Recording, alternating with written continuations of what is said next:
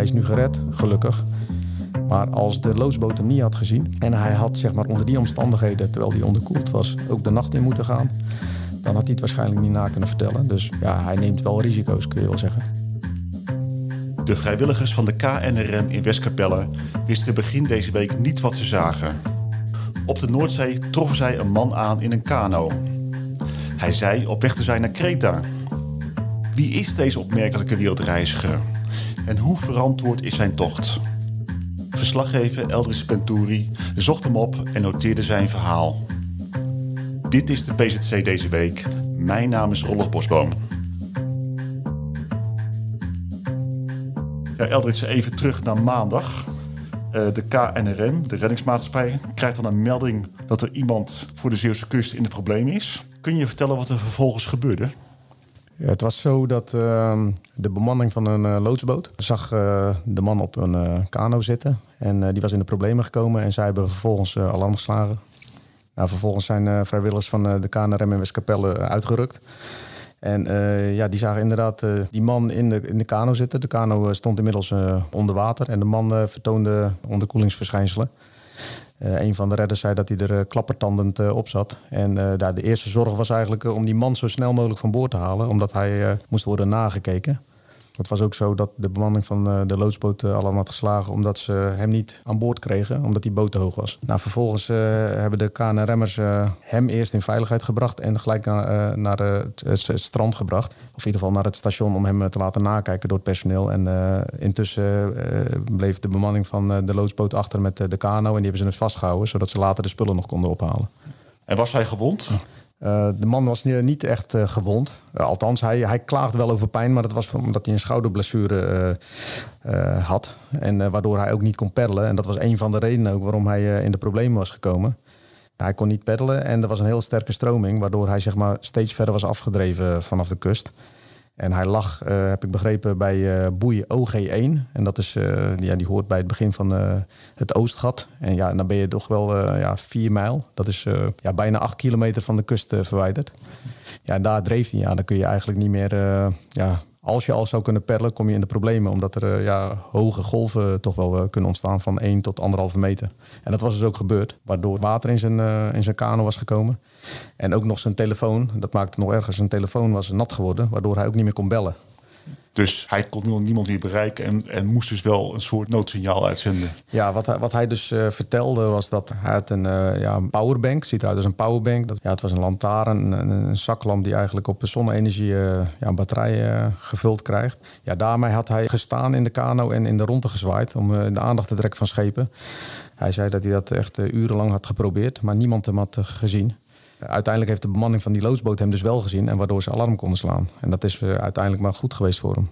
Ja, want het is dus goed afgelopen. Maar iedereen wil toch eigenlijk weten wie die man is en wat hem bewoog om deze tocht te ondernemen. Uh, jij bent op zoek gegaan. Kost het veel moeite om hem te traceren? Om te beginnen zag ik natuurlijk uh, maandagavond ook al het uh, bericht uh, via social media. Verspreid door, door de wijkagenten Veren en ook de KNRM zelf. Nou ja, goed, dan hebben wij een eerste bericht gemaakt. En ja, dan is vervolgens de vraag, ja, wie is deze man? En ik ben inderdaad op zoek gegaan. ik heb KNRM'ers gevonden die, die erbij waren. Een van hen vertelde dat hij waarschijnlijk nog op het strand zou zijn in de Westkapelle. Omdat ze hem daar hadden afgeleverd. Ja, ik heb hem vervolgens uh, gevonden inderdaad. En daar, uh, zat hij tussen de mensen die uh, van de zon aan het genieten waren. Er zaten gezinnetjes uit de Randstad te kijken eigenlijk naar hem. Want hij had zijn kano neergelegd en al zijn spullen uitgestald. Omdat hij ja, moest drogen in de zon. Want alles was nat geworden. En die kano, hoe, hoe zag hij eruit? Ja, die kano die zag er toch wel best wel gehavend uit. Met, met tape, met veel duct tape was er geplakt uh, aan de bovenkant. Uh, volgens hem was dat bedoeld om ja, een stuk zeil vast te plakken. zodat zijn spullen droog zouden blijven. Die waren allemaal aan de voorkant van de kano neergelegd. En er zat ook duct tape aan de onderkant op een aantal plekken. En dat was volgens hem bedoeld als een soort beschermlaag te fungeren. Dus hij was uit Duitsland vertrokken, had hij verteld. Dat heb ik nog niet verteld. Maar hij was uit Darmstad vertrokken twee maanden geleden. Om tussen dus aan een wereldreis te beginnen uh, langs de kust. Dus via het binnenland, langs de kust naar beneden af te dalen naar, uh, naar Kreta in Griekenland. En ja, in Duitsland heb je ook water waar de, waar de bodem niet heel diep was, waar hij doorheen ging. En ja, hij zei, als dan mijn bodem tegen de grond komt, of de, de onderkant van mijn kano, ja, dan kan het nog eens schade opleveren. Dus hij had daar uit voorzorg duct tape opgeplakt. Maar goed, dat zag er een beetje, ja, toch wel een beetje krakkemikkig uit. Dat je, dat je zeg maar over open water gaat met een kano is al best wel opvallend en bizar. Maar goed, en dan nog eentje die vol zit met tape. Ja, dat, dat zorgt wel voor vraagtekens, ook bij de hulpverleners. Het gaat dus om een Duitser. Het is een, 53-jarige man. Hij heet Alexander Schindler. Wat heeft hij jou verteld over zijn beweegredenen om op reis te gaan? Uh, wat ik ook nog wel wil vertellen is dat uh, de collega uh, Chris hier die kwam ook nog mee en ja, die wilde graag een video maken. We maken natuurlijk ook video's voor de website. Ja, toevallig spreekt Chris heel goed Duits. Dus dat maakt het wel makkelijker. En ja, samen hebben we eigenlijk uh, die man ondervraagd. En ja, wat hij vertelde was dat hij uh, vroeger werkte als bliksemafleidermonteur. En dan moest hij vaak op grote hoogte ja, dus die bliksemafleiders repareren of aanbrengen. En ja, dat is een werk wat hij nu niet meer kan doen. Omdat hij ja, kan met slechte luchtwegen. Daar heeft hij last van. En hij heeft veel slijm in de longen. Dus zijn gezondheid liet nogal te wensen over. En ja, daardoor had hij het uh, plan uh, opgevat om een wereldreis te maken. Hij houdt van water, is al uh, acht jaar aan het kanoën, vertelde hij. En toen heeft hij zijn ja, huis en haard verlaten. Hij heeft alles verkocht, zei hij. Alleen nog een, ja, een bankrekening, een verzekering en een levensverzekering die hij nog had.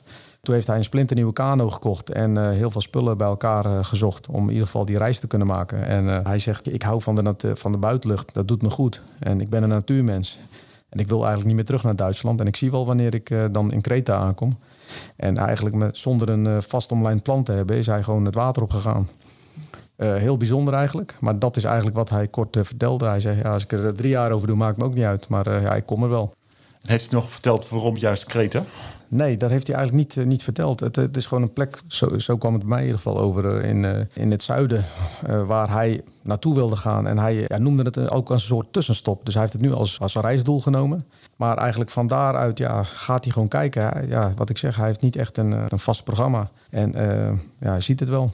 Hij wil gewoon ja, van de wereld genieten. En maakte hij op jou de indruk dat hij goed wist waar hij mee bezig was? Nou, wat me vooral opviel is dat, uh, kijk, wij vonden hem op het strand. En uh, nou, een van de vragen die we ook stelden was van, uh, goh, ben je nooit bang geweest? Nou, dat zei hij gelijk, ik ben nooit in paniek geweest. zelfs niet toen die kano vol liep met water. Het was dat hij een blessure had en daar, daar, daar had hij wel veel last van. Hij deed er nogal luchtig over, vond ik. Nou, dat was één ding. En ja, als je het hebt over dat hij wist waar hij mee bezig was. Ik vertelde net al dat hij dus de aandacht probeerde te trekken met die oplaadbare lamp. Van de KNRM hoorde ik dat ja, zo'n lamp eigenlijk overdag geen effect heeft. Omdat ja, die lamp die heb je vooral nodig als je s'avonds in de problemen komt. Omdat als je overdag in de problemen komt, uh, ja, een, uh, een fakkel hoort af te steken. Zoals ze in de voetbalstadions ook nog wel eens doen. Die had hij niet aan boord. Als je dat al niet hebt, kun je afvragen of je dan wel goed uitgerust bent. Ja, goed, hij had natuurlijk wel gewoon levensmiddelen had hij meegenomen. Hij had heel veel batterijen. Hij had ook heel veel pakjes check, heb ik zien liggen. Pasta van Albert Heijn, eh, een pak lassie toverrijst. Dus hij had echt wel uh, spullen meegenomen om te kunnen overleven. Maar goed, toen hij werd aangetroffen, zat hij gewoon in zijn korte broek en zijn slippers in die kano. Ja. Dan uh, kun je niet echt spreken van een goed voorbereide reis. Ook al niet omdat iemand van de KNRM zei: Kijk, hij is nu gered, gelukkig. Maar als de loodsboot hem niet had gezien en hij had zeg maar, onder die omstandigheden, terwijl hij onderkoeld was, ook de nacht in moeten gaan, dan had hij het waarschijnlijk niet na kunnen vertellen. Dus ja, hij neemt wel risico's, kun je wel zeggen. Ja. Het klinkt allemaal toch als een zeer onverantwoorde onderneming. Zijn er mensen geweest die hem op andere gedachten hebben proberen te brengen? Uh, nou, wat hij ons vertelde was dat hij in ieder geval uh, sowieso, toen hij uh, in Nederland aankwam, elke dag wel contact zou hebben met de kustwacht om in ieder geval aan te geven eh, waar hij eh, onderweg naartoe was. En eh, ja, toen vertelde hij ook dat hij in ieder geval gewaarschuwd werd, bijvoorbeeld om ver van de stormvloedkering te blijven. Omdat je daar wel in de problemen kunt komen als je, ja, zeker in een kano. Nou goed, hij zei dat advies heb ik gewoon ook ter harte genomen. En daar heb ik me ook aan gehouden. Dus in die zin heeft hij wel zeg maar contact. maar ja, het is ook zo dat iemand zoals die is op vasteland gewoon vrij kunt gaan en staan waar hij wil. Kun je dat op het water in principe ook. Nou goed, er zullen wel mensen zijn die met hem in gesprek gaan. Of uh, die, die hem wel hebben gesproken. Maar ja, goed, vooralsnog lijkt hij gewoon zijn eigen planten te, te trekken. En hij uh, trekt zich ook nergens uh, wat van aan. Maar het is op zich niet verboden om met een kano de Noordzee op te gaan? Nee, in principe is dat niet, niet verboden. Of het verstandig is, is natuurlijk een tweede. De KNRM'ers die ik heb gesproken, die zeggen ook van ja, ik zou er nooit aan beginnen. Omdat hij echt gewoon speelt met zijn leven. En dat is nu ook wel gebleken. Alleen, ja, wat ik net ook al vertelde, hij lijkt daar zelf uh, niet echt van onder de indruk. En wat hij nu wil, wil gaan doen, is in ieder geval naar Vlissingen gaan. Want in Westkapelle heeft hij geprobeerd om weer een nieuwe telefoon aan te schaffen. Maar ja, in Westkapelle is dat wat lastig. Dus zijn plan is om in ieder geval vanuit Westkapelle, is de bedoeling om naar Vlissingen te gaan. Zodra hij de, de, de, de kano drijvend krijgt. En dan van daaruit te kijken of hij een nieuwe kano kan aanschaffen. Een nieuwe telefoon, zodat hij weer ook contact kan houden met, de met de kustwacht. En ja, dan zijn reis te vervolgen richting Kreta. Want hij wil zijn droom niet opgeven. Nee, dat was echt een van de dingen die hij gewoon had gezegd. Kijk, wanneer hij in Kreta aankomt, dat maakt hem niet uit. al duurt dat drie jaar. Maar hij wil en zal die reis gewoon, gewoon vol gaan maken. Er zullen ook mensen zijn die zeggen van... moet je zo'n man zoveel aandacht geven in de krant? Is dat toch een overweging geweest? Nou wij zijn natuurlijk aangeslagen op, uh, op het feit dat hij van het water is geplukt. Dat is sowieso opmerkelijk. Ja, goed, dan wil je op zijn minst ook zijn verhaal aanhoren. Uh, we hebben het natuurlijk wel over gehad, maar uh, ja, wij vonden het verhaal wel zo bijzonder dat je in ieder geval da daarover wilt, wilt schrijven. En ja, goed, wat we ook zien aan reacties is dat mensen er ook wel kritisch op zijn natuurlijk. Hè, van ja, waarom gaat iemand het water op en moeten anderen hun leven daarvoor op het spel zetten? En dat is natuurlijk ook gewoon een logische reactie, een te verwachten reactie. Ja, goed, zo, zo is het. Wij schrijven erover als hij wordt gered. Nou ja, dan willen we in ieder geval ook een poging doen om zijn verhaal op te tekenen. Ja, het is inderdaad een bijzonder verhaal. Ben je van plan om hem te blijven volgen in wat hij de komende tijd gaat doen? Kijk, nu is het natuurlijk een, eh, een onderwerp voor ons als regionale krant, omdat hij uh, ja, uh, in Zeeland is, is gestrand. de vraag is natuurlijk wanneer hij weggaat. We proberen wel in de gaten te houden wanneer hij weer Zeeland verlaat en als hij een nieuwe kano heeft. Ik ben wel van plan om in ieder geval contact met hem te onderhouden. Zodra hij een nieuwe telefoon heeft, dan is de bedoeling dat ik wel in ieder geval contact met hem blijf houden tot het moment dat hij vertrekt. En uiteraard willen we ook nog weten als, die, als, als het hem lukt dat hij in Kreta is aangekomen, wanneer dat dan mag zijn. Ik bedoel, we hebben erover uitgebreid over geschreven, dan willen we dat ook wel proberen te volgen. Maar het is niet zo dat we een, als een soort blog zijn, zijn reis helemaal gaan volgen. Maar het zal wel bijzonder zijn als hij dat redt. Nou, ik heb uh, niet echt uh, superveel verstand van kano's, maar wat ik ervan heb gezien. En ik ben zelf ook een keer uh, met een snelle douaneboot over de Westerschelde geweest. En toen was het redelijk ruw. ja, toen dacht ik, ja, als je dan met deze kano hier overheen gaat, dat moet wel, is sowieso bijzonder. Maar ja, ik ben dan benieuwd of je dat, hoe ver je daarmee komt, eerlijk gezegd. Nou, mocht hij weer de zee opgaan, dan wensen we in ieder geval een behouden vaart. Dat zeker. Dit was de PZC deze week. Volgende week zijn we er weer met een nieuwe aflevering. Tot dan!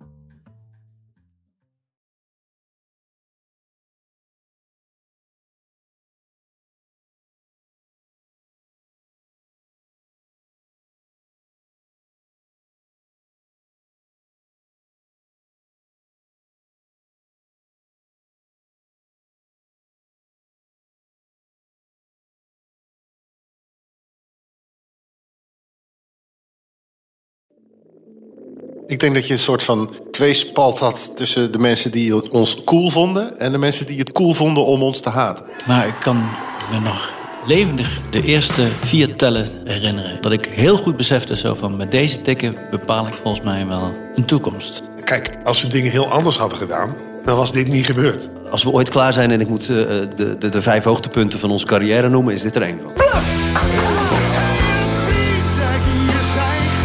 30 jaar bluff. De verhalen die je nog niet kent. Aan de hand van 10 songs. Dit is de podcast 30 jaar bluff. Waaraan we verdwijnen. Met Peter, Bas, Norman en Pascal. Nu in elke podcast-app.